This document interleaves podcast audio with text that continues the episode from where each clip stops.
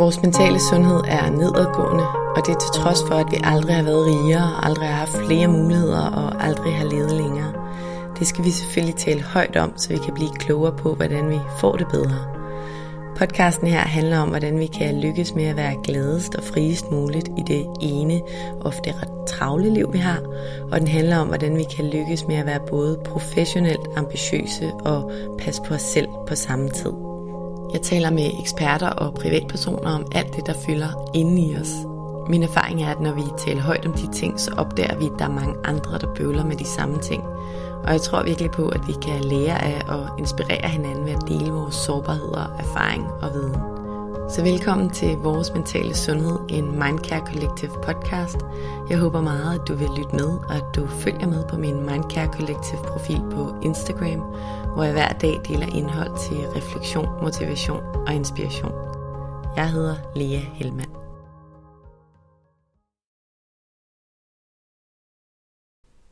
Afsnittet i dag er med sociolog og forfatter Maria Axelvold.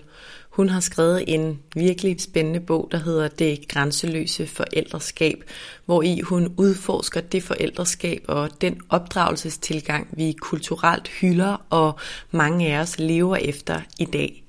Hun sætter spørgsmålstegn ved, om det egentlig er så godt, som mange af os er overbeviste om, at det er. Og så viser hun, hvordan det i høj grad kan påvirke vores mentale sundhed at vil leve op til den opdragelsestilgang, som samfundet objektivt i dag ser som værende den mest rigtige, nemlig den, der bygger på det nye børnesyn. Det skal vi alt sammen tale om i dag, og jeg glæder mig. Inden vi starter vil jeg som altid også lige nævne, at du helt gratis og nemt kan støtte, at der bliver ved med at komme nye afsnit af vores mentale sundhed. Det gør du selvfølgelig først og fremmest ved at dele, at du lytter med derude. Derudover betyder det selvfølgelig også rigtig meget, hvis du rater podcasten, anmelder den og subscriber til den i din podcast-app, hvis du kan lide det, du hører. Du kan også donere et valgfrit beløb til podcasten. Det gør du via MobilePay-nummeret 155503 som du også kan se i tekststykket under afsnittet her. Det er alt sammen med til at støtte, at der kan blive ved med at komme nye afsnit. Tusind tak. Velkommen til Maria Axelvold. Tak. Maria, hvordan har du det i dag? Jeg har det skønt. Du har det godt? Ja. Klar til en god snak? Det er jeg i hvert fald. Jeg glæder mig. Det gør jeg også. Jeg har faktisk glædet mig rigtig meget til, at vi skulle tale sammen i dag. Maria, for noget tid siden, der var du med i et afsnit i øh, DR's nyhedspodcast Genstart om et emne, og det er det, vi skal tale om i dag. Og jeg ved, at der er mange forældre, især mødre, der efter det genstartafsnit har følt og også udtalt sådan, hyha, det var egentlig rigtig rart at høre det der perspektiv, Maria havde på det med forældreskabet, på et forældreskab, som vi egentlig tror på og gerne vil leve efter, men som også kan være lidt hårdt altid at leve efter. Mm. Og det var som om, at du med det her afsnit ligesom fik talt højt om noget på en legitim måde, som mange på en eller anden måde havde følt, men måske ikke havde fået sat ord på, eller ja, talt højt om før. Og jeg fik selvfølgelig med det samme, da jeg lyttede til det her afsnit, lyst til at invitere dig i studiet, så det gjorde jeg, for at vi kunne dobbeltklikke på det her emne, som du kalder det grænseløse forældreskab. Og det skal vi altså tale om i dag. Vi skal tale om, hvorfor nutidens forældreskab og opdragelsesmetoder kan karakteriseres som værende grænseløse. Vi skal tale om, hvad den her grænseløshed kan gøre ved os og vores liv og trivsel og også mental sundhed, som jo er særlig relevant i den her kontekst af podcasten. Og så vil jeg jo selvfølgelig også rigtig gerne høre dit bud på, hvad det så er, vi kan gøre anderledes, og hvad er det, vi kan tænke over osv. i forhold til at være gode forældre og passe bedst muligt på os selv og på vores børn fremadrettet. Mm. Er du klar på den store snak? Det er jeg meget klar til. Dejligt. Mm. Inden vi kaster os ud i det, så vil jeg som altid lige starte med at præsentere dig. Du hedder Maria Ørskov Axelvold. Du er 49 år og er mor til to børn, eller unge mennesker, ja. på 19 og 21. Du har en Ph.D. i sociologi med speciale inden for familiesociologi og pædagogisk sociologi. og dit fokus er især på at undersøge, hvordan det gode forældreskab ser ud fra forældrenes perspektiv. Det er også på at undersøge forældres muligheder for faktisk at leve op til de her gode forældreskab. Og så er det på at undersøge, hvordan strukturer og sammenhæng i vores samfund og i vores kultur faktisk skaber den her enighed om, hvad der er et godt og rigtigt forældreskab. Mm. Og derudover så er du foredragsholder og konsulent i relation til de her emner, og du er forfatter til en række bøger herunder det grænseløse forældreskab, som jeg nævnte, der altså danner grundlag for vores snak i dag. Yes. Og med de mange, mange ord og den lange introduktion, som jeg alligevel synes var nødvendig, så springer vi ud i det. Ja. Der er rigtig mange ting fra den her bog, som jeg har lyst til at dobbeltklikke på. Men jeg tænker, at vi kan starte sådan lidt på toppen. Hvordan endte du med det her fokus på forældreskabet? Altså, hvad var det, der påvirkede, at det var det, du skulle skrive en Ph.D. om? Jamen, det var jo øh, helt klart, øh, at jeg selv blev forældre, og så stod jeg midt i den her øh, tid, hvor at jeg havde øh, børn i dagtilbud og i skole. Og jeg tror, at det, der fik mig til at interessere mig for forældreskabet sådan fagligt set, det var nok alt den her forældreinvolvering. Øhm, på det tidspunkt havde vi fået forældreintra. Vi tror, det har altid været der, men det, det kom jo faktisk først i omkring 2002. Så jeg er jo skolemor lige der, hvor at det sådan begynder at få sin storhedstid. Øhm, og jeg var sådan, what? Altså, det, det havde jeg slet ikke regnet med. Jeg kan huske, at jeg glædede mig til børnene skulle starte i skole, fordi jeg synes, der havde været mange sådan arbejdsweekender i børnehaven og grillfester. Og jeg var meget alene øh, med børnene på det tidspunkt. Min mand, han rejste meget, ikke? så jeg, jeg var sådan lidt alene mor i hverdagen. Så jeg skulle altid, du ved, stå med en på hoften, eller være alene i de her settings, og det passede bare ikke ind i, i min hverdag. Så jeg tror, der er begyndt at vokse sådan nogle spørgsmålstegn frem inden i mig. Hvorfor skal jeg det her? Eller jeg, jeg følte mere og mere, at jeg fik sådan en spændetrøje på, som jeg ikke befandt mig vel i, at jeg ikke kunne gøre forældreskabet på den måde, som det passede mig. Og øhm, vi blev jo mere og mere involveret i skolen, og dermed også i, i de andre forældres. Altså man får jo et indblik i andre forældres forældreskab, som er noget nyt. Øhm, og, og så tænkte jeg bare, at jeg må finde ud af det her. Øh, hvor kommer det fra? Mm. Hvorfor, hvorfor skal det være sådan? Hvem har fundet på det? Og virker det overhovedet efter hensigten? Mm. Og det jeg så finder ud af, det er jo, at der er ikke nogen, der har lavet noget på forældrenes perspektiv på det her, hvilket er ret vildt øh, i betragtning af, øh, hvor mange mennesker, der samarbejder med skole og dagtilbud hver dag og har gjort det siden 70'erne. Ja, jeg tror rigtig mange også i dag, selvom det jo er en del år efter det, du beskriver, der kan genkende det der med, mm. okay, wow, en involvering. Vi skal, Præcis. Ja, vi skal være virkelig involveret, og vi ja. skal meget, vi skal nå meget, og være til mm. stede og mm. gøre alle mulige ting. Og det skal vi jo snakke meget, meget mere om. Yes. Men inden vi tager de her kritiske briller på i dag, Maria, som jo er rigtig spændende, synes jeg, så tænker jeg, om vi ikke kan tale lidt om de gode ting ved dagens opdragelsesoverbevisning, der bygger på det nye børnesyn. Fordi jeg tænker, at de fleste, især forældre, jo kender til det her nye børnesyn, der dominerer forældreskabet og opdragelse i dag, og det adskiller sig fra det gamle børnesyn, der er i høj grad bygget på voksne autoriteter, regler, og man måtte gerne sætte mange grænser ved at skille ud og vise børn, hvem der ligesom bestemte, og der var et meget mere ulige forhold mellem forældre og børn dengang. Og helt kort fortalt, så handler det nye børnesyn jo om, at børn skal ses som værende ligeværdige med voksne, faktisk fra de bliver født. Og i det nye børnesyn, der er skæld ud og udskamning ikke noget, man gør, fordi man er af den overbevisning, at det faktisk kan skade udviklingen og sætte sår på sjælen, som eksperterne udtaler det. Hmm. Og man fokuserer altså i stedet for på altid at virkelig prøve at forstå barnets behov og perspektiv. Og udgangspunktet er, at barnets intention altid er god, også når de skaber sig, altså børnene. Mm. Så det handler om, at, ja, at man med overskud og nærvær og anerkendelse altid skal prøve at sætte sig i barnets sted og virkelig forstå det her barn, som gerne må vinde en argumentation også i øvrigt, når man, når man diskuterer med børnene. Og det nye børnesyn, det bygger jo trods alt på nogle undersøgelser og studier om, hvad der påvirker et barns udvikling og tillid og selvværd på en god måde. Og altså med alle de her ord, som sagt, mm. inden vi kaster os ud i problematikken og kritikken, kan du så ikke starte med at fortælle mig, kan det nye børnesyn i din optik og den opdragelse, der følger med, også nogle gode ting? Og ja, selvfølgelig kan det det. Og det perspektiv, jeg taler fra, det handler jo meget om forældrenes perspektiv og familiens perspektiv. Så jeg, jeg er jo ikke den, der kan sige noget om, hvordan det er godt for børnene. Men jeg tænker, at det gode i forældreskabet er jo den her relation, vi får til vores børn, som jo er en tættere relation. Vi har jo fået et blik for børns personlighed, og hvem er de som mennesker, som, som jeg tænker, det havde man ikke, da jeg var barn, selvom at jeg er vokset op også med meget kærlighed, men, men, men mange faste grænser, og, og, og far, der bestemte, og, og ja, der var ikke altid det her blik for, hvem, hvem er Maria. Og det tænker jeg at er en rigtig god ting, at vi har i dag, at vi kigger på vores børn som individer, og vi prøver at forstå, hvem er du? Det giver dem noget helt særligt med. Og så er der selvfølgelig den her følelsesmæssige nærhed, som jo er noget af det, der kendetegner. Altså jeg, jeg taler jo også om det intensive forældreskab.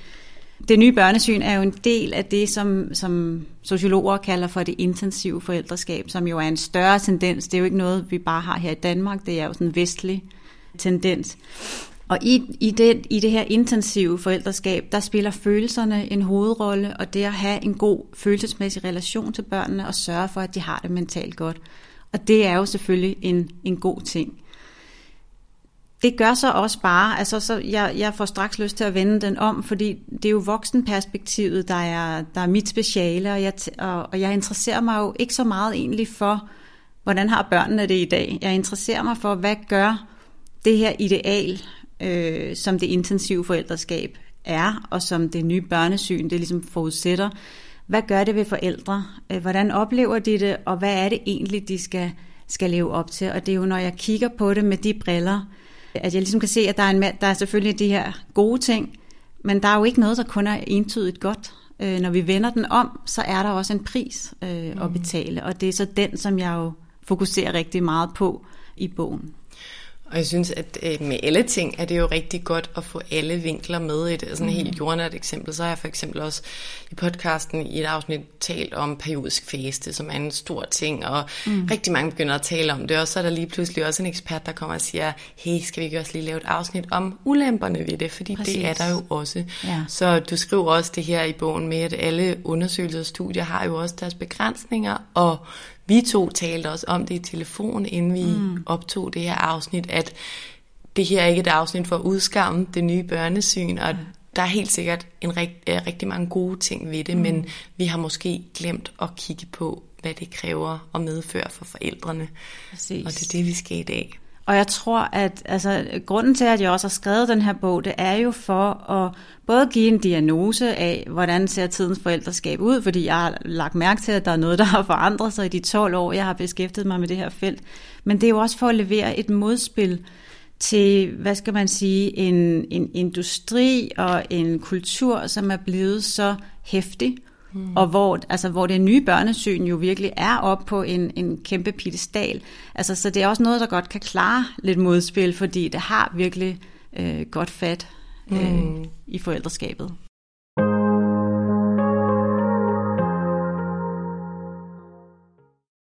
Og vi kommer tilbage til lidt senere det der med, hvad det egentlig er i samfundet og i industrien, der gør, mm. at det fylder så meget i dag. Men lad os lige tale om nogle andre ting først. Mm.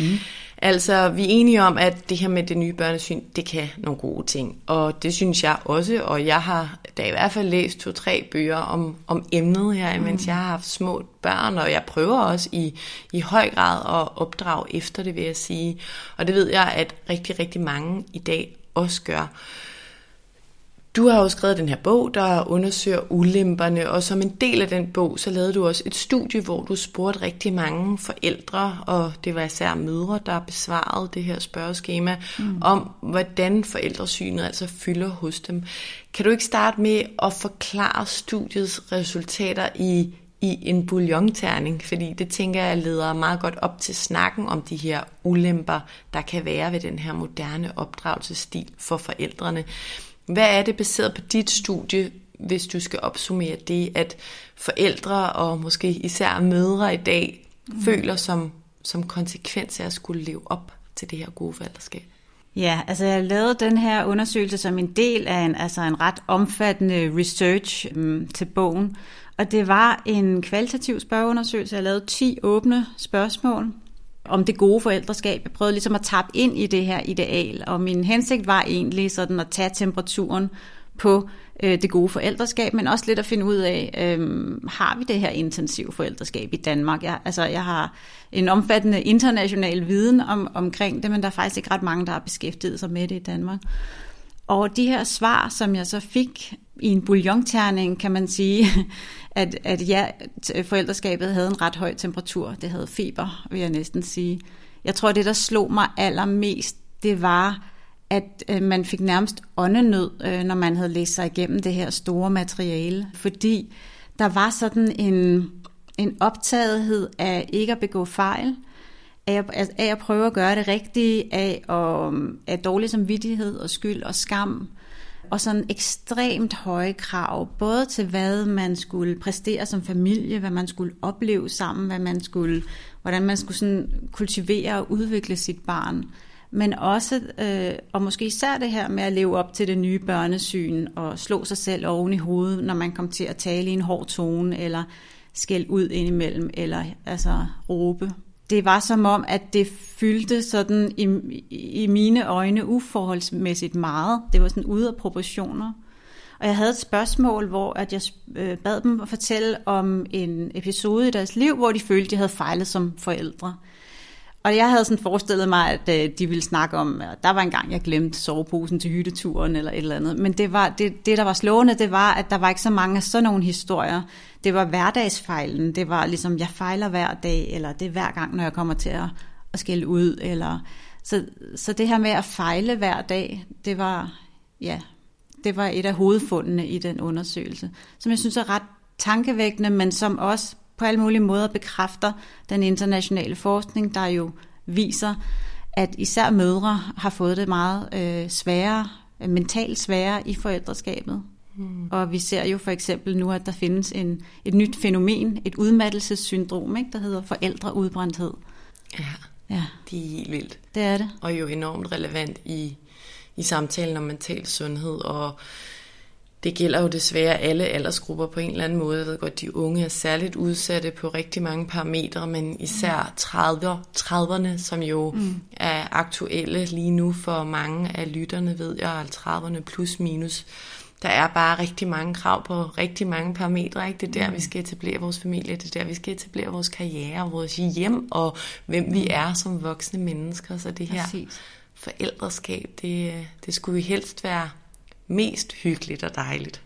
Ja, og, men, men der sker nok det for mange i dag, tror jeg, at det kommer til at fylde mere end man havde troet, og at det jo også bliver et identitetsprojekt øh, meget mere end det var tidligere. Mm. Øh, det ser vi jo på forbruget blandt andet, øh, at vi går enormt meget op i alt, hvad der kan købes til børn, og det er jo en kæmpe industri øh, i vækst. Øh, og det bliver et projekt for os selv. Det bliver jo meget, barnet i dag er jo meget en spejling af forældren, fordi vi har det her forældredeterministiske syn, der ligesom øh, siger, at alt hvad forældrene gør, det ser vi i barnets udvikling mm. og opførsel og det er et kæmpe ansvar at lægge på forældrene. Det er et fuldstændig grænseløst øh, ansvar, fordi det det gør er jo, at alt får betydning lige pludselig. Mm. Så, så er det jo netop, at, om du kom til at hæve stemmen, eller øhm, om du gav forkerte sokker med i børnehaven, eller altså, så bliver det de her meget små ting kommer mm. pludselig til at fylde meget. Og jeg tror også, det var det, jeg så i undersøgelsen. Og jeg synes måske lige, vi kan understrege det der med, at det vi taler om i dag, det er jo et fremherskende ideal, der sætter dagsordenen, som du også skriver i din bog, og vi prøver altså ikke at skære alle over en kamp, men taler jo om de her generelle tendenser, der er i samfundet, mm. som jeg tror, at rigtig mange kan genkende, selvom det jo ikke er alle. Mm. Og du kalder det i bogen, som du også nævner her, det intensive forældreskab, og det synes jeg var et ret godt begreb. Jeg ved godt, det bliver brugt mm. også internationalt. Det, mm. det er intensivt. Ja. Og dit spørgsmål er jo så, om det behøver at være så omfattende og overskudsagtigt, og så tidsmæssigt og kompetencemæssigt og følelsesmæssigt krævende at være forældre, som det for mange er i dag. Og du kalder det faktisk i bogen Mission Impossible. Mm-hmm. Lad os tale lidt mere om de her ulemper, fordi der du kommer lidt ind på, at der kan måske være i samarbejde med, at du skriver med en psykolog i det sidste kapitel om mm. nogle ulemper for børnene, men jo især, hvad der er vigtigt i den her kontekst, også for de voksne, som du startede mm. lidt mere at tale om. Men lad os lige starte med børnene, fordi eksperter, der advokerer det nye børnesyn, de hævder jo, at der er rigtig mange fordele ved den her moderne opdragelse, og antagelsen er, at forældrenes rolle, som du også lige sagde, har en kæmpe betydning for børnenes udvikling, for det følelsesliv, børnene udvikler, og for deres selvværd. Mm. Og det er der jo helt sikkert noget om mm. til en vis grad. Men er der noget med ulemperne for børn? Altså, er der ulemper ved børn, der er opdraget ud fra det, det nye børnesyn og det grænseløse forældreskab? Ja, altså, og det er der jo, når det, når det kommer over, for det er jo rigtigt, hvad du siger, at der er en masse fordele ved det her intensive parenting. Det er jo også noget, man har undersøgt, der bedre kognitive evner, og du klarer dig bedre i skolen, og det følelsesmæssige osv der, hvor filmen knækker, er jo, når man begynder at dyrke det som en religion, eller hvor, man, hvor forældreskabet kommer til at fylde det hele, og man bliver ops på alting, så kan det gå over i det, som man kalder overparenting eller hyperparenting. Og det ved man jo er forbundet med nogle øhm, negative konsekvenser for barnet. Mindre selvstændighed, øhm, angstfremkaldende, Øh, du, øh, narcissisme er også noget, som det er forbundet med øh, senere. Altså du øh, får simpelthen nogle børn, der er også er blevet vant til at være centrum og blive taget hensyn til og få dækket alle deres behov. Og det er jo ikke kun en god ting. Øhm, eller du får børn, der aldrig har oplevet, hvordan det er at føle skam, for eksempel. Det er jo heller ikke kun en god ting. Nej, fordi de børn kommer jo ud i et samfund, hvor de jo møder alle mulige former for konflikter, og jo desværre også ubehagelige situationer. Det gør vi jo alle sammen. Præcis. Så det skal de jo også rustes til. Ja, så, så jeg tror, det er der, hvor, altså, det er jo der, hvor grænseløsheden bliver problematisk, og der ikke er en stopklods. Øhm, og, og det er jo derfor, der også er det her hamsterhjul på forsiden af bogen, for at illustrere, at i tidens forældreskab, der er der ikke nogen, der siger til dig på noget tidspunkt, at nu er det nok. nu har du gjort det godt nok. Og du kan ikke vide det, for der kommer hele tiden nye råd og ny viden og nye eksperter og nye produkter. Så der er masser stemmer, der hele tiden fortæller dig, at du kan gøre mere. Mm. Um, så det, det er meget svært i dag, og man skal være stærk for at sige, nu, nu er det nok, nu er det godt nok. Og det drejer sig om det mest dyrebare i ens liv. Præcis, ikke? Og, og det har jeg da også selv øh, erfaret, at øh, det er jo det, der hele tiden er på spil. Mm. Du skal hele tiden strække dig selv lidt mere. Hvis du kan, så skal du. Mm. Fordi at det er jo det, det mest dyrebare, der er på spil.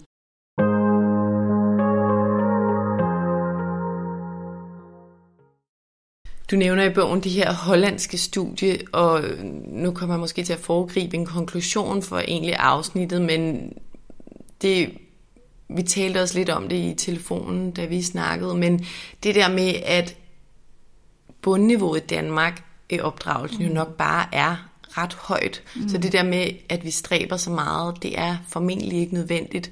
Og mm. for at jeg komme tilbage til det der studie, så, så vidt jeg husker, så undersøgte forskellen mellem altså det nye børnesyn og så lidt mere afslappede børneopdragelsesmetoder, mm. og at det viste, at der faktisk ikke var så stor forskel, når grundelementerne i familien var tillid. Ja, de spørger ligesom om, om det her intensive parenting, det er indsatsen værd. Og konklusionen er egentlig, at nej, det er det ikke. Det går faktisk bare ud over øh, primært forældrene, øh, som jo kan bruge sine ressourcer på alle mulige andre måder, øh, hvilket også, øh, og så påpeger de sådan lidt det paradoxale i, at det som skal være positivt, det nye børnesyn hedder jo positive parenting, altså øh, på engelsk, ikke? at det som skal være positivt kan ende med at faktisk være negativt, også for mm. barnet, fordi børn har jo ikke interesse i heller, at øh, forældrene går ned øh, med mm. forældreudbrændthed, eller at de har dårlig mental mistrivsel, eller øh, noget af det, det også kan føre med sig, hvis man prøver at udøve det her positive parenting, eller det nye børnesyn, det er jo, at man... Øh, det er jo en måde at være på, som man skal lære, og som man tager på sig, og det kan gøre, at man sådan mister lidt forbindelsen til sin egen, øh, til sig selv og til sin mm. autenticitet. Mm. Og autenticiteten i relationen til barnet og spontaniteten. Øhm, Noget, jeg kommer til at tænke på i forhold til det der med autenticitet, det er, det havde jeg faktisk ikke tænkt over, tror jeg, før jeg skrev det her spørgeværk til vores snak. Det var mm. det der med, at vi får jo at vide, at når børn bliver vrede eller flipper ud, så skal vi omfavne det og ligesom lade dem forstå, at det er almindelige følelser at tale med dem om det, og ikke blive sure på dem, men sådan, ja, lære dem at omfavne det. Og det er bare meget sjovt, at vi som forældre ikke må flippe ud. Altså, mm. så vi fortæller dem, det er helt normalt at flippe ud, omfavne det, men som forældre, der må vi ikke selv. Nej. Det, og det er sjovt, og det er jo også et, et paradoks, som jeg nævner i bogen, med det her med, at forældrene i spørgeundersøgelsen var meget optaget af præstationssamfundet, og at skærme deres børn mod det, og også lære dem, at du er okay, som du er, du skal bare være dig selv. Men, men de prøvede jo ihærdigt selv at være øh, noget andet. Jeg tror, det er vigtigt, at man husker sig selv på, at øhm, selvom man giver sig selv lov til at flippe ud, eller være vred en gang imellem, eller sætte sine grænser, så er det jo ikke noget, de fleste gør hele tiden. Øhm, jeg tror, at nogle gange så ligger der lidt, når der bliver talt om det nye børnesyn, en antagelse om, at hvis vi ikke hele tiden gør os umage, så er vi sådan nogle monstre, der skælder ud konstant. Øh, altså en antagelse om, at vi gør det nok dårligt. Mm. Øh, som jeg tænker, hvor kommer den fra? Den, den, den vil jeg gerne stille spørgsmålstegn ved, for det, det tror jeg egentlig ikke ligger i os, at vi er sådan nogle dyriske øh, forældre, der ikke kan kontrollere os selv. Nej, jeg tror også, mange har den der opfattelse af, som du også lidt er inde på, at hvis vi virkelig kommer til at flippe ud en eller anden dag, som jeg tror, de fleste er kommet til på, på en eller anden måde, en eller anden gang, så, så ja, også mig, du rækker hånden op, så, øhm, så sætter det bare et sår på sjælen, som mm. nærmest er svært at, mm. at ændre ved mm. det her barn eller redde. Ikke? Mm. Og jeg kender det også selv, altså jeg... Øhm, jeg er jo på mange måder i livet, det har jeg også udtalt før, meget pligtopfyldende, mm. og jeg synes, det her nye børnesyn giver rigtig god mening, og jeg kan mærke, at mange af de ting, der er i det, det har jeg selv manglet i min barndom, selvom jeg, ligesom du også siger, har haft en rigtig dejlig barndom på rigtig mange måder, fyldt med kærlighed øhm, og tryghed, så vil jeg ønske, at mine forældre havde spurgt mere til mig, og spurgt, hvordan jeg havde det, talt om ting, der var svære, talt om at fejle, mm. alt muligt. Mm. Men, så, eller for at komme tilbage, jeg, jeg prøver at leve efter det gode, eller det nye børnesyn, og synes, det giver mening. Mm. Men jeg kan sagtens mærke, jeg synes ikke, jeg er sådan presset af det, men jeg kan sagtens mærke det der når jeg øh, træder udenfor i forhold til at blive vred, så kan jeg simpelthen blive så ked af det over det. Mm. Og øh, faktisk så sent som i morges, meget øh, apropos, mm. så øh, min søn på to og et halvt, han tager selv sit tøj på, og min datter på snart fem, hun gider ikke selv. Mm. Og jeg beder hende om at tage sit tøj på mange gange, roligt, anerkendende, mm. tålmodigt. Hun begynder at løbe op på sit værelse og siger, du skal ikke løbe op på dit værelse, du skal tage dit tøj på. Jeg går stille og roligt efter hende ovenpå. Ender så med at tage hendes tøj på hende, op på hendes værelse og taler lidt med hende om, Alba, du er snart fem år, og vi skal øve os i, at du tager dit tøj selv på. Og hun begynder at gøre modstand, altså du ved, gå de forskellige retninger af, hvad mm. tøjet skal mm. på i, og når hun først får det på, så flipper hun ud over, at kjolen er mega irriterende, og hun vil have en nederdel på, og sin enhjørning trøje. Og der var bare sådan, nu lytter du efter, og du tager dit tøj på, og vi kan godt tage en nederdel på, det er fint, men du skal samarbejde med mig. Ja. Altså, jeg blev sur. Ja. Og øhm, vi går ned i børnehaven, og jeg, jeg afleverer lillebror, og jeg sætter mig med hende, og vi får lige en snak om det her, og får selvfølgelig lige reddet stemningen ud, og jeg forklarer, hvorfor jeg blev irriteret. Men den sidder jo i mig, og det er lige hvad jeg kunne knibe en lille tår, når jeg sætter mig ud i bilen. Ikke? Mm. Fordi det var forkert, føler jeg, det jeg gjorde. Mm. Og nu er det bare for at smide mig selv på banen og et, det er et eksempel. Jeg tror, det er et rigtig godt og genkendeligt eksempel, og jeg, jeg, altså, jeg kan jo mærke, hvordan vreden ulmer inden i mig i det, du fortæller der. Altså, man, man, man nærmer sig sin grænse der, ikke? Og så til sidst, så er den, er den jo så nået, og det er jo så også det, er også det, som mange af de forældre, jeg møder, og som var med i undersøgelsen, snakker om, at altså, så når man det der punkt, og så eksploderer man, fordi nu har man prøvet og, og, og opdrage med et smil i fem minutter, og så kan det ikke længere lade sig gøre at have den her bløde tone i stemmen osv. osv. Og jeg synes, man er meget hård ved sig selv, når man så ikke bare kan sige pyt, jeg er bare et menneske. Øhm, fordi der er jo ikke nogen af os, der kan være sådan her hele tiden. Mm. Øhm, det, jeg synes, det er et meget stort krav at, at stille til sig selv. Øhm, og jeg vil også gerne stille spørgsmålstegn ved, om det, om det er det, børn har behov for. Jeg er helt enig i det her med følelser. Altså det er rigtig, rigtig vigtigt at anerkende følelserne. Og det tror jeg faktisk er en af de ting, som vi øh, forældre giver børnene med. Det er jo forholdet til følelser, øh, måden vi snakker om følelser på og anerkender dem osv. Der er også mange ting, vi ikke, som vi tror, vi påvirker med, som vi ikke påvirker med i virkeligheden. Men det med følelserne, tror jeg, er, er rigtig vigtigt. Men spørgsmålet er, om ikke, man ikke tager vare på det i den situation, selvom at man så har, er blevet lidt sur. Er det er også okay, at hun ser, at øh, når der var grænsen faktisk, ikke? Øh, og der er mor, der bestemmer.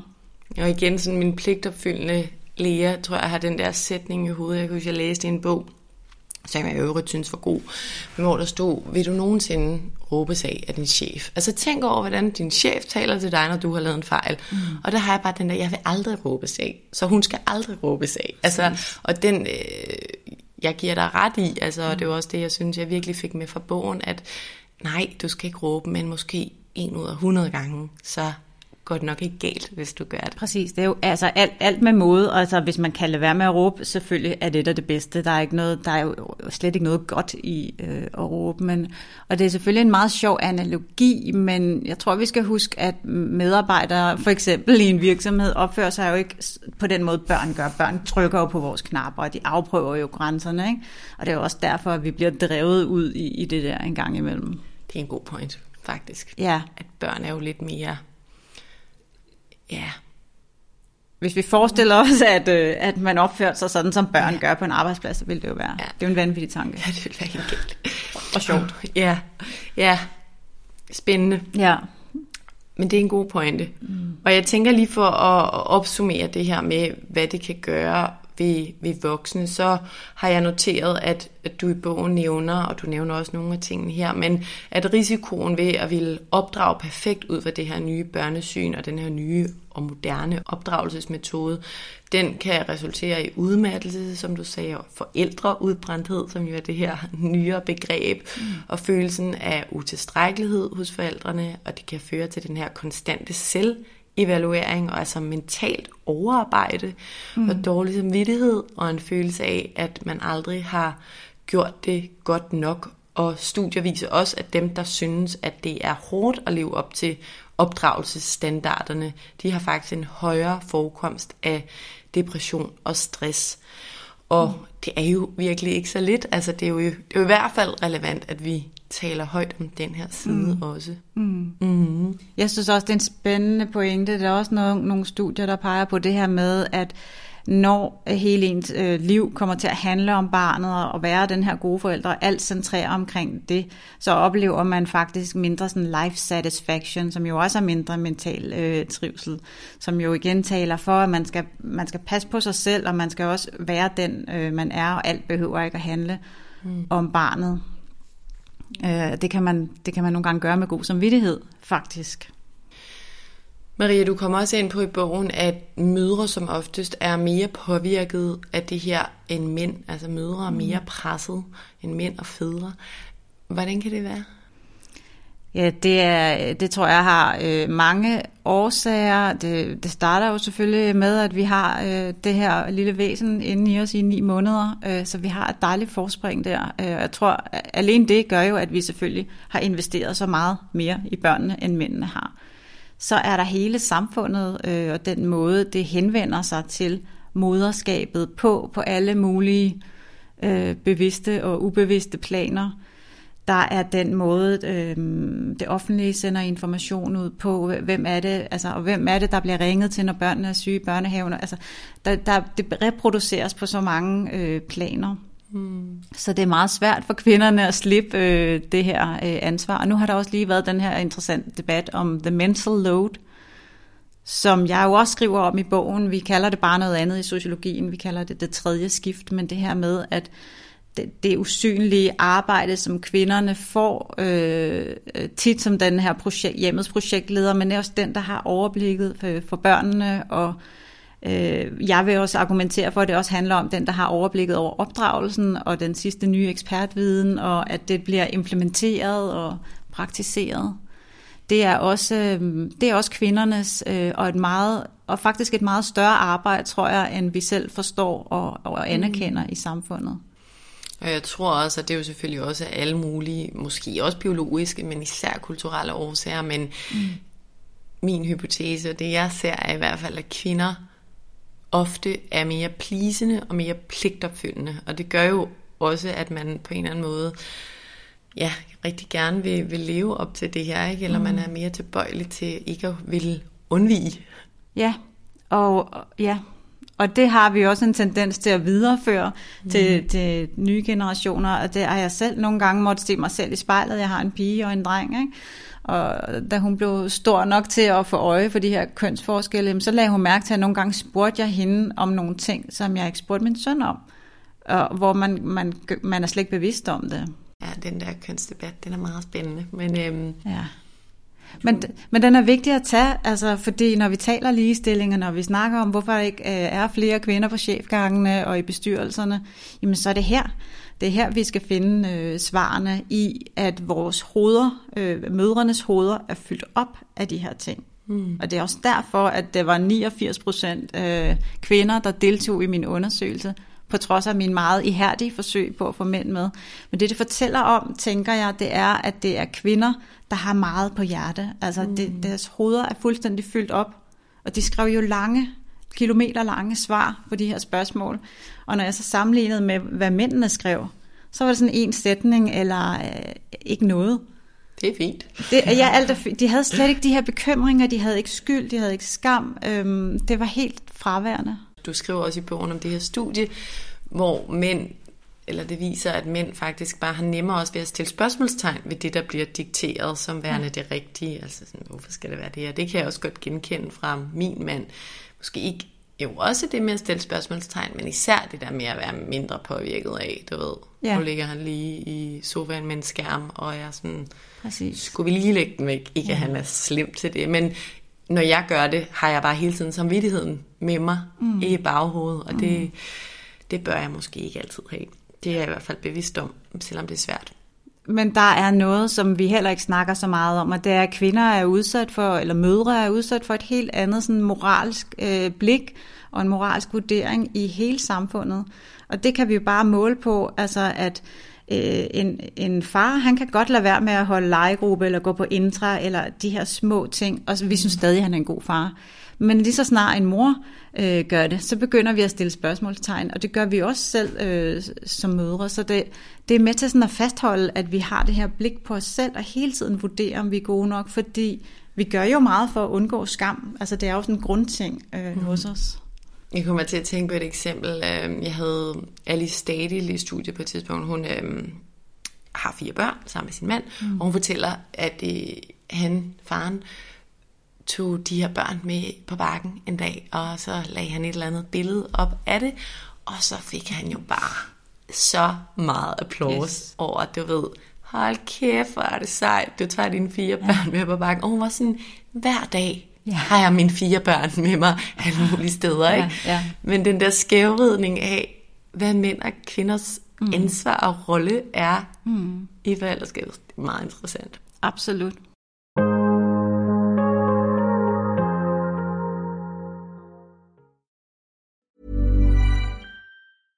This is Paige, the co-host of Giggly Squad, and I want to tell you about a company that I've been loving, Olive and June. Olive and June gives you everything that you need for a salon quality manicure in one box. And if you break it down, it really comes out to $2 a manicure, which is absolutely insane. It's also so easy to get salon worthy nails at home with Olive and June. The difference between how your nails used to look when you did them yourself and now with the Manny system is a complete game changer. The best thing about Olive and June too is it's a quick dry, dries in about one minute, lasts for five days, and full coverage in up to one to two coats. Visit oliveandjune.com slash perfectmanny20 for 20% off your first system. That's oliveandjune.com slash perfectmanny20 for 20% off your first system. System.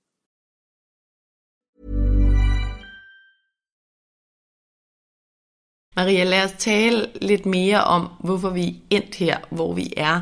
Mm. I bogen der øh, skitserer du jo årsager på både makro- og meso- og mikroniveau i forhold til den her udvikling. Du er jo sociolog, mm. og du skriver, at opdragelse jo nok ikke så overraskende er en spejling af det samfund, vi lever i. Mm. Kan du ikke fortælle mig og lytterne lidt mere om, hvad det især er i samfundet og i vores kultur, der har påvirket, at at vi er her, hvor vi er i dag? Jo, det er et stort spørgsmål, og nu skal jeg se, om jeg kan holde øh, tråden, fordi der er så mange ting involveret. Der er jo både en historisk udvikling, øh, hvor at hvis vi øh, kigger tilbage, hvis vi går tilbage til øh, 70'erne for eksempel, så kan, man, så kan man se, at der begynder al den her ekspertlitteratur at eksplodere. Og det er fordi, at der øh, begynder udviklingspsykologien virkelig at få fat i forældreskabet. Øh, der, der sker jo en udvikling derfra til i dag, hvor forældreskabet bliver meget psykologiseret. Øh, tidligere har det måske handlet mere om dannelse, dannelse ind i det sociale. Og, altså det gamle børnesyn handler jo også om at, at socialisere barnet til at kunne begå sig. Ikke? Mm. Men det bliver mere og mere sådan, øh, psykologisk og ekspertguidet. Og det, altså, det får en kæmpe betydning for den øh, intensitet, der er i forældreskabet i dag, fordi jeg har sådan en kurve med, øh, når jeg holder oplæg, som viser det ret tydeligt. Altså, det er simpelthen bare sådan en stejl kurve fra 70'erne op til i dag, hvordan det her øh, parenting-litteratur, det eksploderer. Så, øhm, så psykologien får rigtig øh, godt fat i os, og den måde, vi forstår forældrerollen på, og relationen mellem øh, forældre og børn i, i vestlige samfund, skal det lige siges. Mm. Der er jo masser af andre kulturer i verden, vi er ikke i flertal faktisk, der gør det på helt andre måder, og også lykkes med det. Så sker der noget altså med vores velfærdssamfund, øh, øh, især øh, efter nullerne, som jeg også synes har sådan en konkret betydning, og det er jo det her med, at vi får forældreintra for eksempel, øh, som senere bliver til Aula. Øh, vi får meget, meget mere forældreinvolvering i dagtilbud og i skole. Det er også en ny ting, øh, og det er jo noget af det, jeg viste i min PhD, det er, hvordan det faktisk bliver et reelt, ret stort arbejde for forældre. Mm. Du skal jo finde tiden til det i et presset øh, familieliv, hvor tiden er din største ressource. Så det er klart, at det ligesom skruer op for tempoet. Du har det her eksempel i bogen, om hvor du øh, har printet alle Aula-korrespondencer over ja. et år, og det fylder et ringbind, og så holder du det op imod den der, hvad hedder det, kontaktbogen, ja. vi havde dengang. Det kan jeg stadig huske, den hvide lille i min folkeskole, hvor vi selv skulle skrive, når læreren bad os om at give en besked med hjem. Ikke? Præcis, ja. Wow. Og, og min, altså de er jo ikke, de er ligesom en iPhone, og de er i hvert fald ikke tykkere, og jeg har, jeg har stadig min, øhm, og den øh, gælder for fem år. Ikke? Og så havde vi sædler i tasken. Altså, så det bliver meget konkret, og siden jeg lavede min PhD, altså, der kan jeg kun sige, at det er blevet meget, meget værre. Hvis du havde printet det i dag, så havde du haft øh, flere ringbind. Øhm, så det er en ting, der sker, og vi får digitalisering af samfundet, vi får Google i nullerne, øh, Facebook, Instagram kommer senere. Det får også en kæmpe betydning. Så det er den her historiske udvikling. Og så er der noget med tiden, vi lever i som er, øh, vi er meget risikobevidste. Mm. Det har sociologer talt om siden 90'erne, at vi, vi var på vej ind i risikosamfundet. Vi får mere og mere viden. Jo mere vi ved, jo flere risici afdækker vi, og det gælder også i forældreskabet.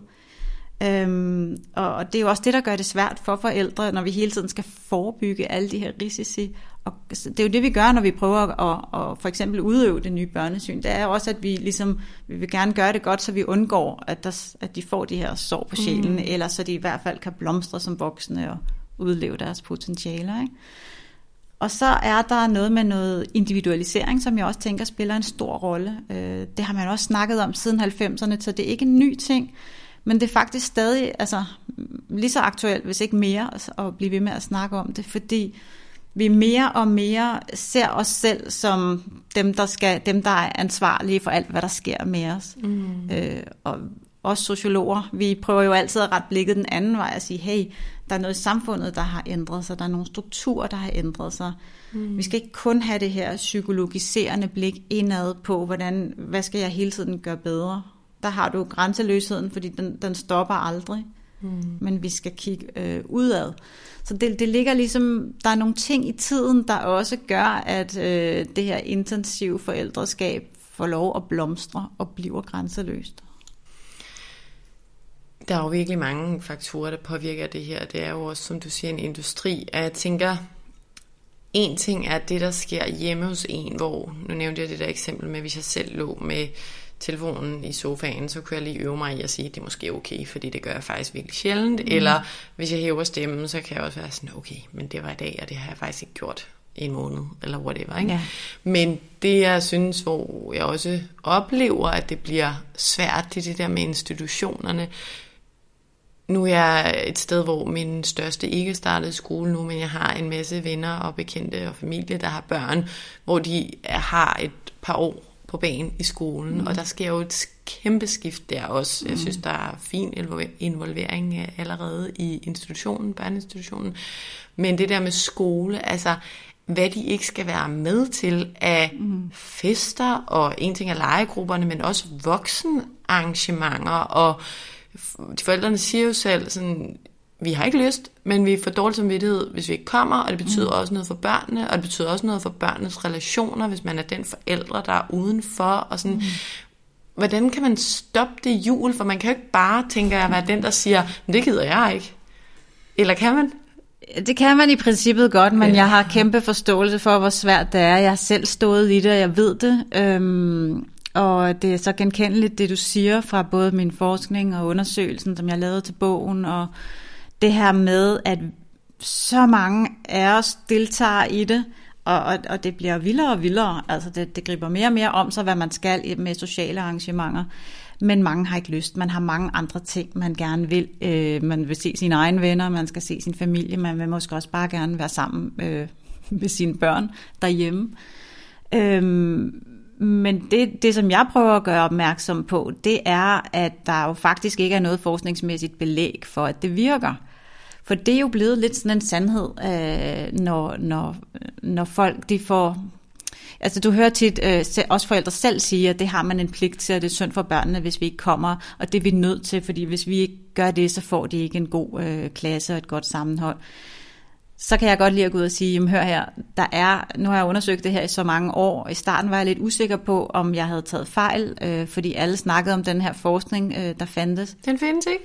Den findes ikke, øh, så vidt jeg kan se. Øh, der findes nogle, der findes mobbeforskning, og vi har noget viden om, at et godt samarbejde selvfølgelig er vigtigt men der er jo aldrig nogen, øh, der decideret har kigget på, om de her øh, måder at være sammen på gør noget godt for fællesskabet. Om hysfesten påvirker? Nej, nej, nej. Så det er jo en antagelse, der har, og det kan du jo se, når du laver analysen. Det starter i nullerne, øh, det er politisk motiveret, man taler om forældres ansvar på den her måde.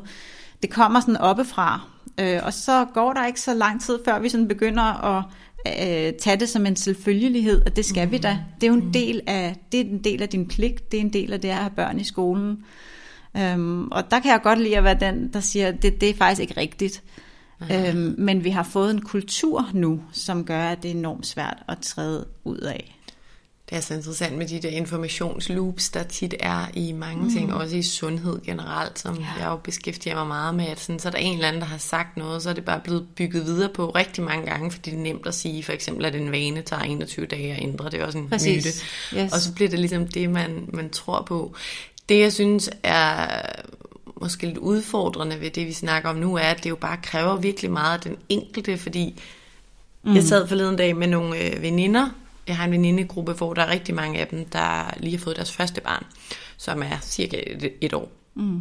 Jeg så havde fortalt om det her med, at jeg har altså øh, nogle andre, hvor du ved, de lige startede skole, og de er helt øh, overvældet over alt det, de skal være med til. Og så siger min veninde sådan rigtig sødt og lidt naivt, synes jeg, Jamen, det vælger vi bare at lade være med.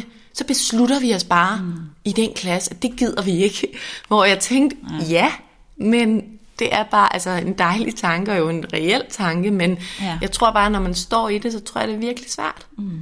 Og det tror jeg, du har helt ret i, og, og det, er jo, det er jo det, jeg synes, der er så interessant ved at beskæftige sig med, hvad er det egentlig idealer er, og hvad gør de ved os, sådan som jeg jo gør i bogen.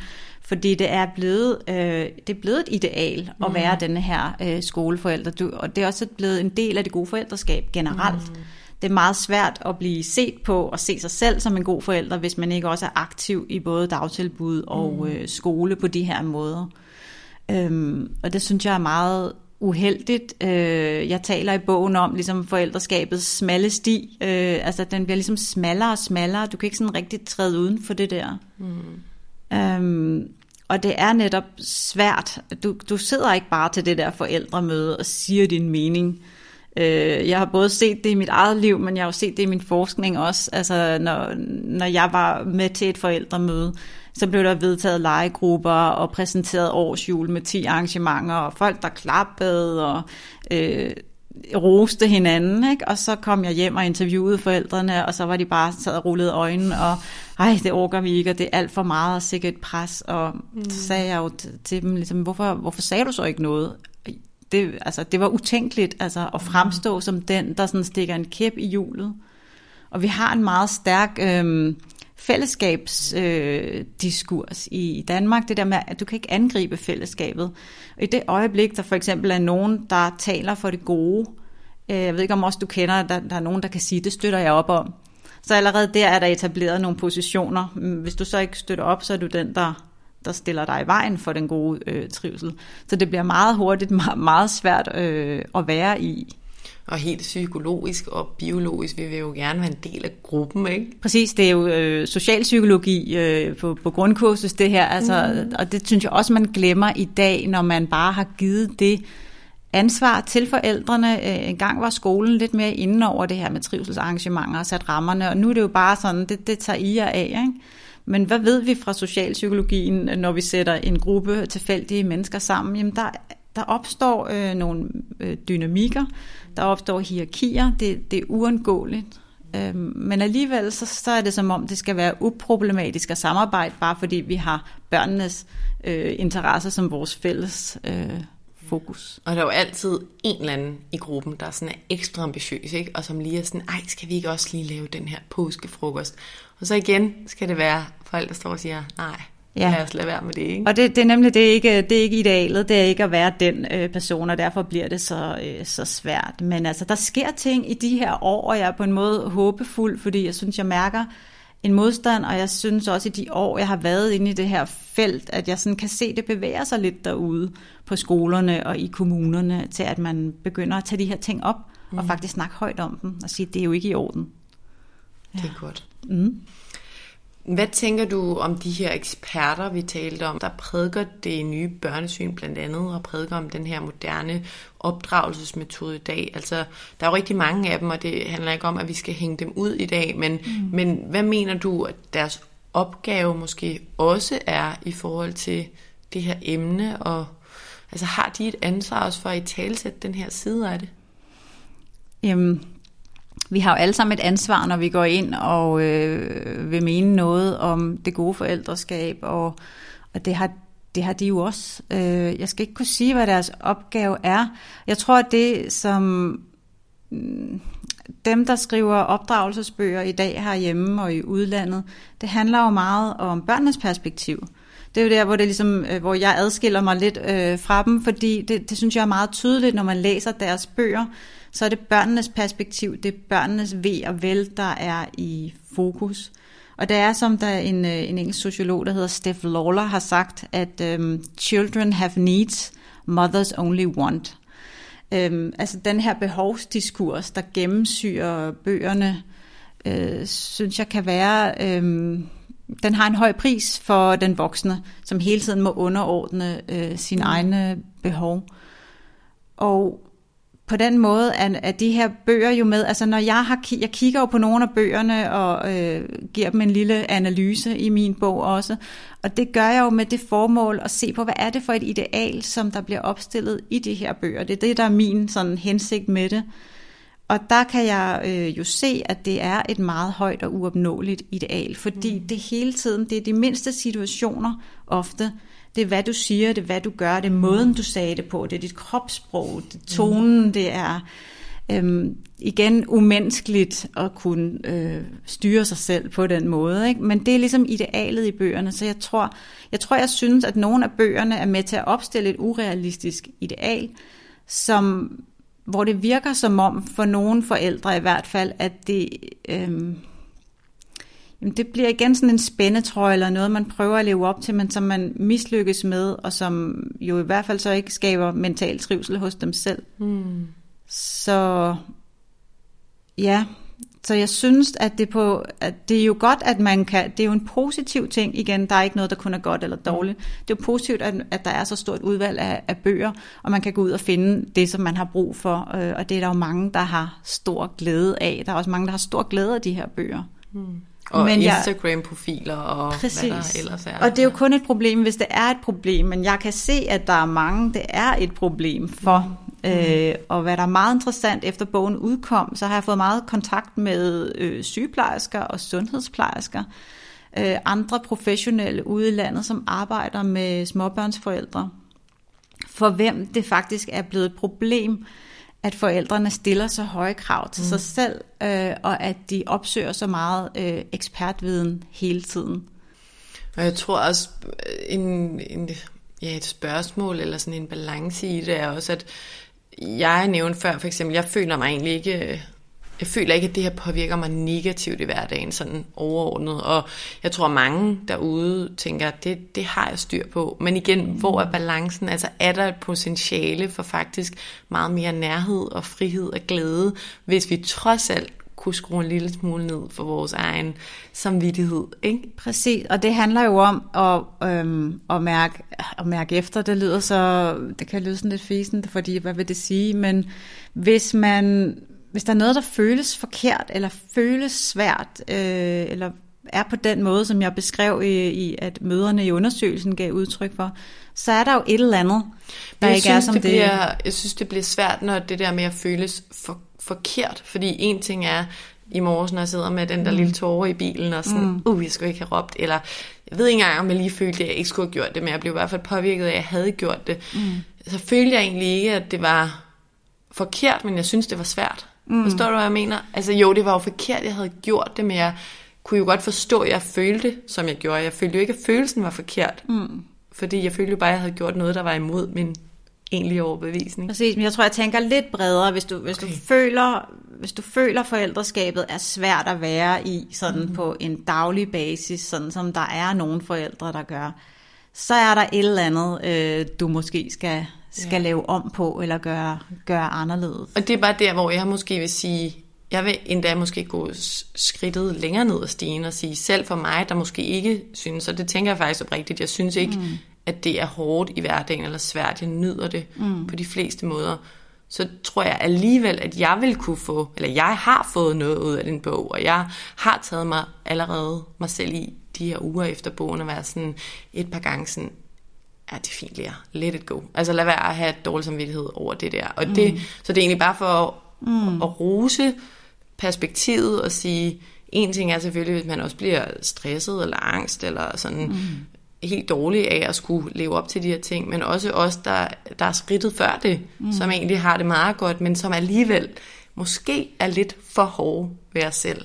Præcis. Forstår du, hvad jeg mener? Ja, og, det, og og alle bøger har jo noget, de bidrager med, øh, og man skal være kritiske til alle bøger, man skal også være kritisk til min bog. Jeg har heller ikke sandheden. Jeg er jo, jeg er jo i hvert fald heller ikke opdragelsesekspert. Det er jo et særligt perspektiv, jeg kommer med, og jeg dyrker jo det kritiske, og det er jo det, der ligesom bliver, bliver hævet frem. Mm. Så det, det er jo en vigtig pointe, øh, og det sagde du også i starten, det her med, at det, det handler om det generelle ideal. Det er ligesom det ideal, som vi alle sammen på en eller anden måde må forholde os til, men det er ikke det samme som at sige, at alle udøver grænseløs forældreskab. Det, jeg prøver egentlig bare at sige, at idealet for det gode er blevet ret grænseløst og, og fylder ret meget. Ikke? Maria, her hen mod slutningen, så lad os lidt tale lidt mere om, hvad, hvad vi kan gøre ved alt det, vi har, vi har talt om i dag, eller du har fortalt om. Der er jo mange forældre, der, der lytter med her, og jeg tror, eller jeg ved, at alle gerne vil gøre deres bedste for ja. deres børn, og vi vil gerne have, at de trives, og vi vil gerne have, at de får et stærkt selvværd.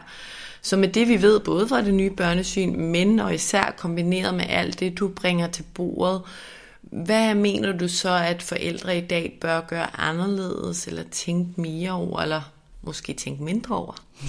ja, Øh, jeg synes, det er et underkommunikeret faktum, at vi faktisk er historisk gode forældre. Øhm, det hele tiden, så handler det om, øh, der er den her kamp om det rigtige og det forkerte forældreskab, og det, det synes jeg også, at det er også noget af det, der kendetegner det nye børnesyn, det er jo det rigtige, og det gamle er det forkerte, og den her, der kommer hele tiden den her sondring imellem, det. er du på det rigtige hold, eller er du på det forkerte hold, øh, som jeg gerne vil lidt væk fra. Jeg synes, vi skal hellere fokusere på, at i menneskehedens historie, har der nok ikke fandtes bedre forældre, end dem vi er i dag. Det, det er ligesom det er ikke det, vi fokuserer på, vel? Men det er også en historie, øh, man kan fortælle, og det er også noget af det, jeg gerne vil vise med bogen. Vi kan, der er en anden fortælling. Vi kan, også, vi kan vende den om hele tiden, og så kan vi også lave en anden fortælling. Fordi det gode forældreskab er jo en konstruktion. Mm. Det er også derfor, det ændrer sig hele tiden. Men vi er selv med til ligesom øh, at lave den her øh, fortælling. Så jeg vil, jeg vil minde forældre om, at de er historisk gode og begynder at få blik øh, for alt det gode, man gør. Og ikke kun det her mangelperspektiv, som jeg synes meget af ekspertlitteraturen dyrker. Altså det her med, du ved ikke nok, øh, som industrien også dyrker. Ikke? Du har ikke nok ting, du har ikke den sikreste øh, whatever.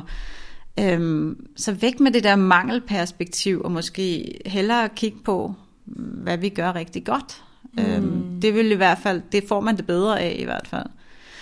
Øhm, og det linker jo til det der med, at bundniveauet er højt. Præcis, ikke? ja. Og så er der det her med forældredeterminismen. Det er også en vigtig pointe. Vi som forældre determinerer ikke vores børn. Vi er vigtige øh, og på mange områder afgørende, men langt fra øh, over hele linjen. Altså, det er som om, vi lidt har glemt, at der er noget, der hedder arv og miljø. Det er som om, det kun er forældrene i dag, der påvirker barnet og kan forme barnet og har ansvar for, at barnet kommer igennem barndommen øh, fuldstændig uskat. Men øh, barnet kommer jo med noget arvemateriale, en personlighed, indgår i en masse andre øh, sammenhæng. Altså vores børn øh, her i Skandinavien indgår jo i alle mulige institutionelle sammenhænge ikke, i løbet af deres liv. Møder mange andre voksne. Øh, deres kammerater er super vigtige. Og det, det glemmer vi jo, at alle de her ting spiller mindst lige så stor rolle.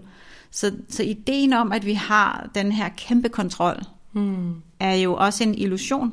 Er der studier egentlig, der viser eller siger noget om, hvor meget forældrens rolle betyder? Nu tænker jeg sådan procent. Det, øh, nej, og det er der ikke, fordi øh, den her forældreeffekt er meget svær at udskille. Yeah. Hvordan, når du studerer noget, kan du sige, hvad der var forældrene, og hvad der var noget andet? Så man kan hellere vente om at sige, at der er ikke så meget øh, forskningsmæssigt øh, belæg for forældreeffekten. Hmm. Øhm, den, er, den sker altid i samspil med andre øh, ting. Så, så forskningsmæssigt øh, er der mere belæg for, at vi ikke har lige så stor betydning, som vi fortælles af ekspertbøgerne, øh, hvor det jo er, åh, krise, hvis du kommer til at skælde ud, så bryder øh, et eller andet center i din hjerne ned. Mm. Det, det understøtter forskningen ikke. Den viser tværtimod, børn er ikke så skrøbelige. Børn er faktisk ret robuste øhm, og kan, kan komme igennem rigtig meget og stadig vokse op og have et godt liv. Så jeg hørte dig sige det her med måske lytte nogle gange lidt mindre til eksperterne, også de industrielle øh, babysame-eksperter, og stol på, at du gør det godt nok. Ja, og jeg ved godt, at det kan jo være et ret ubrugeligt råd, det her med at lytte til sig selv, fordi det, jeg hører fra forældre i dag, det er faktisk, jamen, men jeg kan ikke mærke, hvad jeg selv, øh, jeg kan ikke mærke min mavefornemmelse, den er der ikke. Og det er jo desværre det, man ved, der sker, at når man, hvis man opsøger for meget øh, ekspertviden og bliver sådan besat af hele tiden at finde det sidste nye, så bliver man mere usikker på sig selv. Øhm, så jeg vil hellere sige måske, at man skal, hvis man er sådan en, der opsøger meget viden og eksperter, at man også begynder at være lidt kritisk og måske spørge, hvor har de deres viden fra? Øhm, findes der en one size fits all øh, øh, opskrift på den gode opdragelse? Altså, vi er jo alle sammen unikke øh, mennesker, vores børn er, er unikke. Så hvordan det her med at prøve at praktisere en, en metode religiøst, øh, det bliver jo bare rigtig svært. Altså, mm. Det er også en illusion, ikke?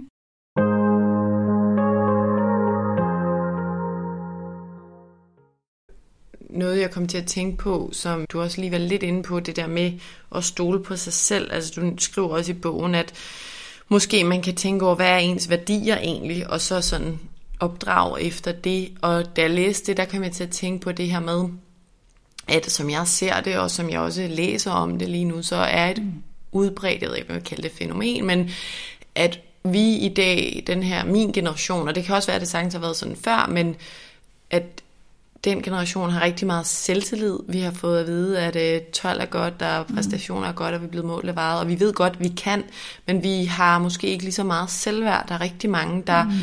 godt kunne hvile mere i, at de er noget værd, uafhængigt af deres præstationer. Ja. Og min tanke, da jeg læste, var sådan, at det kan måske være lidt svært at vide, hvad de der værdier er, hvis man egentlig ikke har et solidt selvværd, fordi man jo så også lader sig forme rigtig meget af, hvad andre synes og hvad andre gør, og så kan det være lidt svært. Det har du fuldstændig ret i. Ja, det er en god pointe. Øhm, måske kan man tænke over, hvad for et menneske jeg gerne selv vil være, og som jeg håber, at mine børn vokser op og bliver, eller hvad er det gode familieliv, øhm, for eksempel. Ikke? Mm. Um, jeg kan da huske, da mine børn var små, jeg tror, at man, jeg kiggede mig omkring og tænkte, gud nej, vi, vi skal også lave noget, eller jeg havde sådan en dårlig samvittighed i weekenderne, hvis ikke vi lavede et eller andet, vi skal da også i Tivoli, og vi skal da også i biografen, og du skal da også gå til svømning, og, og sådan nogle ting, og, og hvor kom det fra? Jeg tror ikke, det kom fra, fra mig selv og mit behov egentlig, men mere sådan, man prøver sådan at opsamle, hvad mm. der er. Det ville jeg ønske, at jeg havde været lidt mere sådan, holdt lidt mere fast i, i mig selv, i stedet for at det hele tiden skulle gnave yeah. øh, på den der måde. Og igen er det jo selvfølgelig også en balance, fordi når man så kommer ud på dybt vand, fysisk taler det jo også godt, at børn ikke svømme og alle de der ting. Præcis. Men, men vi har det nok med i lidt for høj grad at øh, slå os selv oven i hovedet, i stedet for at rose os selv for, hvad vi faktisk gør. Ja, og at vi ikke, øh, vi behøver ikke at være der hele tiden. Altså, der er jo kommet, og det hører jeg også fra de her fagprofessionelle, mange forældre tror, de skal være med inden over alting, for at det går godt. Eller at selv motorisk, fysisk udvikling ikke sker af sig selv, hvis ikke du gør sådan og sådan. Og det er jo ikke rigtigt, men det bliver jo sådan en ængstelse, man har med sig hele tiden, og den, altså, den kan vi jo ikke bruge til noget. Den, den skulle vi bare, den skulle bare i skraldespanden. Ja. Jeg fortalte også, da vi talte i telefon forleden, at jeg lige dagen inden havde set den der nylige dokumentar om et børnehjem i Ukraine. Ja. Og jeg sad jo og græd fra start til slut. Mm. Og jeg, havde lige, jeg var lige blevet færdig med din bog, mere eller mindre, og det gav bare så meget perspektiv. Altså nu ved jeg godt, det er et meget ekstremt eksempel, men mm. så ekstremt er det jo heller ikke, når vi kigger ud i verden. Og den var jo virkelig skrækkelig og sørgelig og hård at se, den der dokumentar, men den gjorde det jo bare soleklart, klart, hvor fandens heldige vi er i Danmark, og hvor gode forældre vi er. Mm. Altså, ja.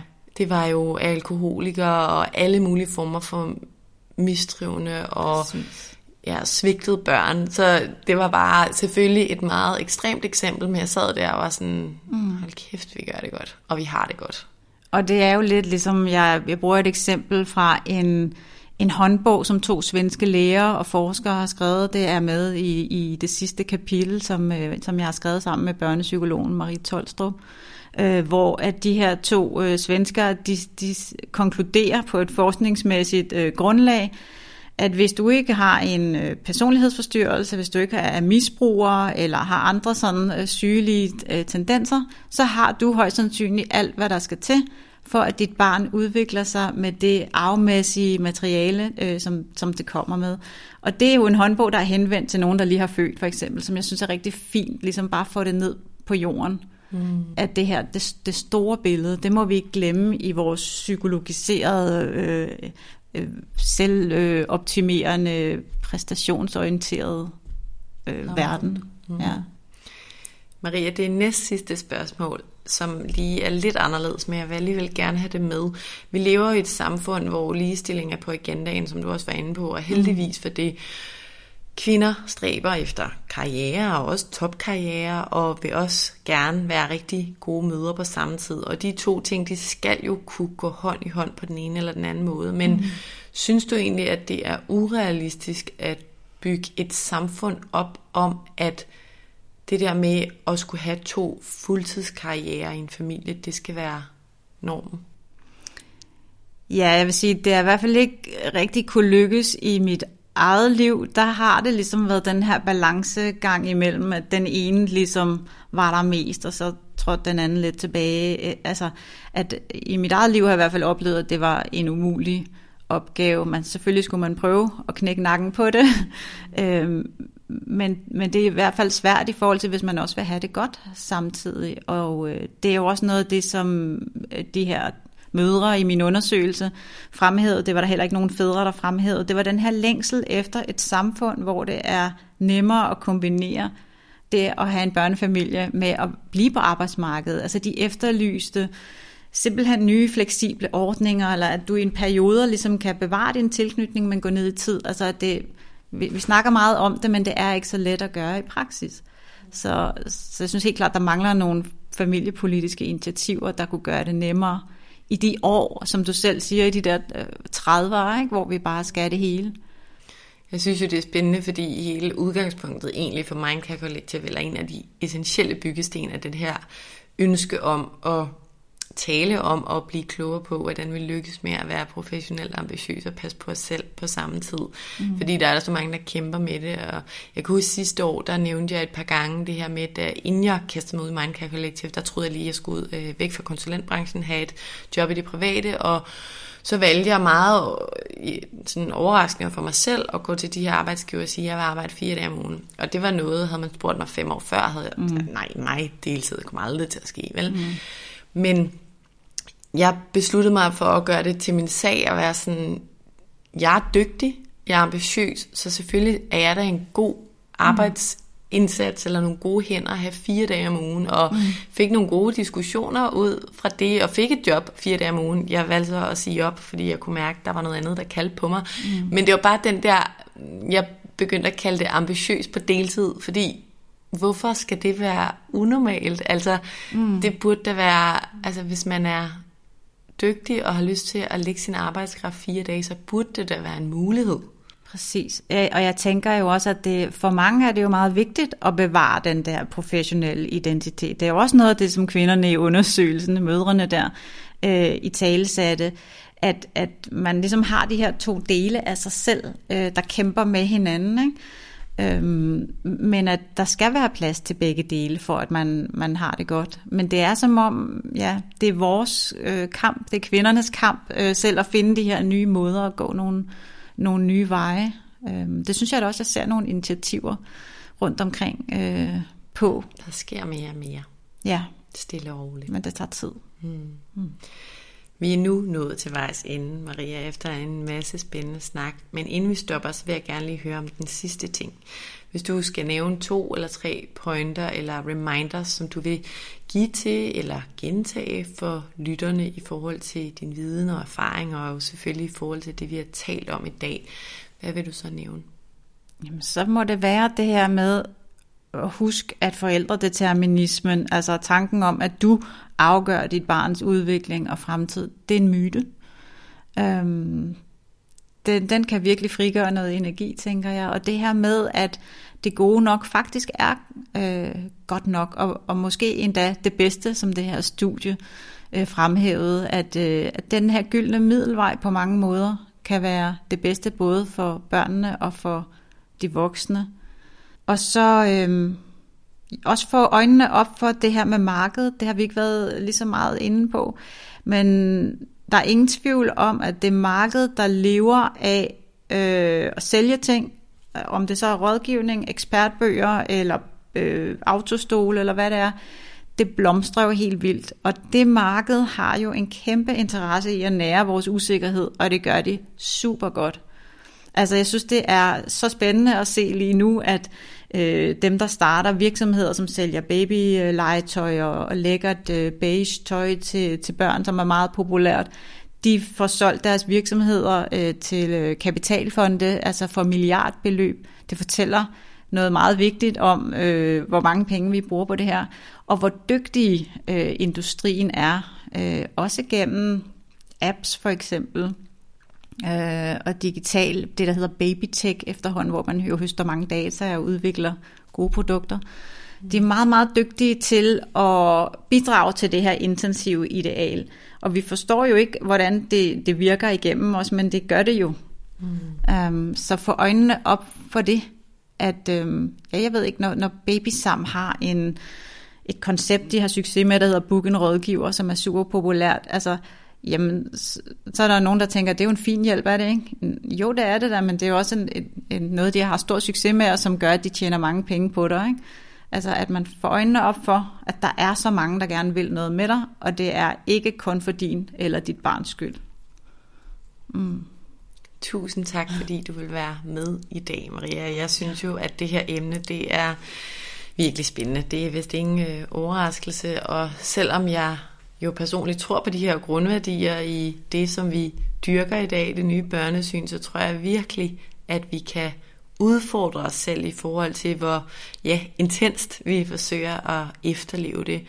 Og jeg tror i høj grad, at mange ofte kunne give sig selv lidt slappere line som forældre, og i stedet huske at ja, klappe os selv på skulderen for de ting, vi gør, som du også har været inde på, fordi bundniveauet, som vi har talt om hos rigtig, rigtig mange, er højt og trygt og som du også afslutter med at sige, så skal vi huske det, og huske, at vores påvirkning måske ikke er så stor, som vi tror på vores børn.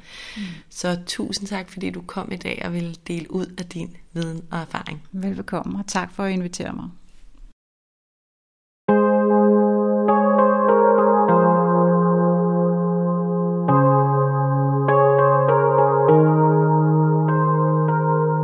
Jeg vil altså bare holde min lille outro-opsummering helt kort, fordi Maria hun har sagt så mange gode ting i dag, og jeg synes, at hun har gjort sine hovedpointer tydelige. Lad os huske, at godt nok er godt nok, og måske er godt nok nogle gange det bedste, både for børn og for voksne. Og husk, at din rolle som forældre ikke er afgørende for, hvordan dine børn ender ud. Selvfølgelig spiller forældreskabet en rigtig stor rolle for vores børn, men sandsynligheden for, at du allerede gør det bedre end godt nok i dit forældreskab, er stor. Og så lige en lille note om næste uges afsnit, hvor jeg har besøg af Naomi. Afsnittet er en personlig beretning, og Naomi fortæller sin vilde og barske historie om at have været i et forhold, der var fysisk, men især mentalt voldeligt. Det handler altså om psykisk vold. Naomi hun fortæller sin historie, som jeg virkelig kan anbefale at lytte til. Men det er særligt vigtigt i afsnittet er at sætte fokus på, hvad man kan gøre, når man befinder sig i en relation, man er usikker på, om faktisk er sund for en. Du kan altså høre mere om det her emne og om Naomis historie i næste uge. Tusind tak, fordi du lyttede med i dag. Hvis du kunne lide det, du hørte, så husk, at du nemt og gratis kan støtte podcasten ved at dele, at du lytter med på sociale medier. Husk at tagge Mindcare Collective. Det betyder helt vildt meget. Hvis du kan lide podcasten, kan du også støtte den ved at rate eller anmelde den i din podcast-app, og ved at trykke på subscribe-knappen. Så ved du også altid, hvornår der udkommer et nyt afsnit. Det er alt sammen med til at støtte, at jeg kan blive ved med at lave nye afsnit af vores mentale sundhed. Som det sidste vil jeg også bare lige nævne, at du selvfølgelig altid er velkommen til at række ud, hvis du har feedback, idéer eller noget på hjerte, du gerne vil dele med mig. Du kan skrive til mig via min Instagram-profil Mindcare Collective eller via min hjemmeside mindcarecollective.com. Tak fordi du lyttede med.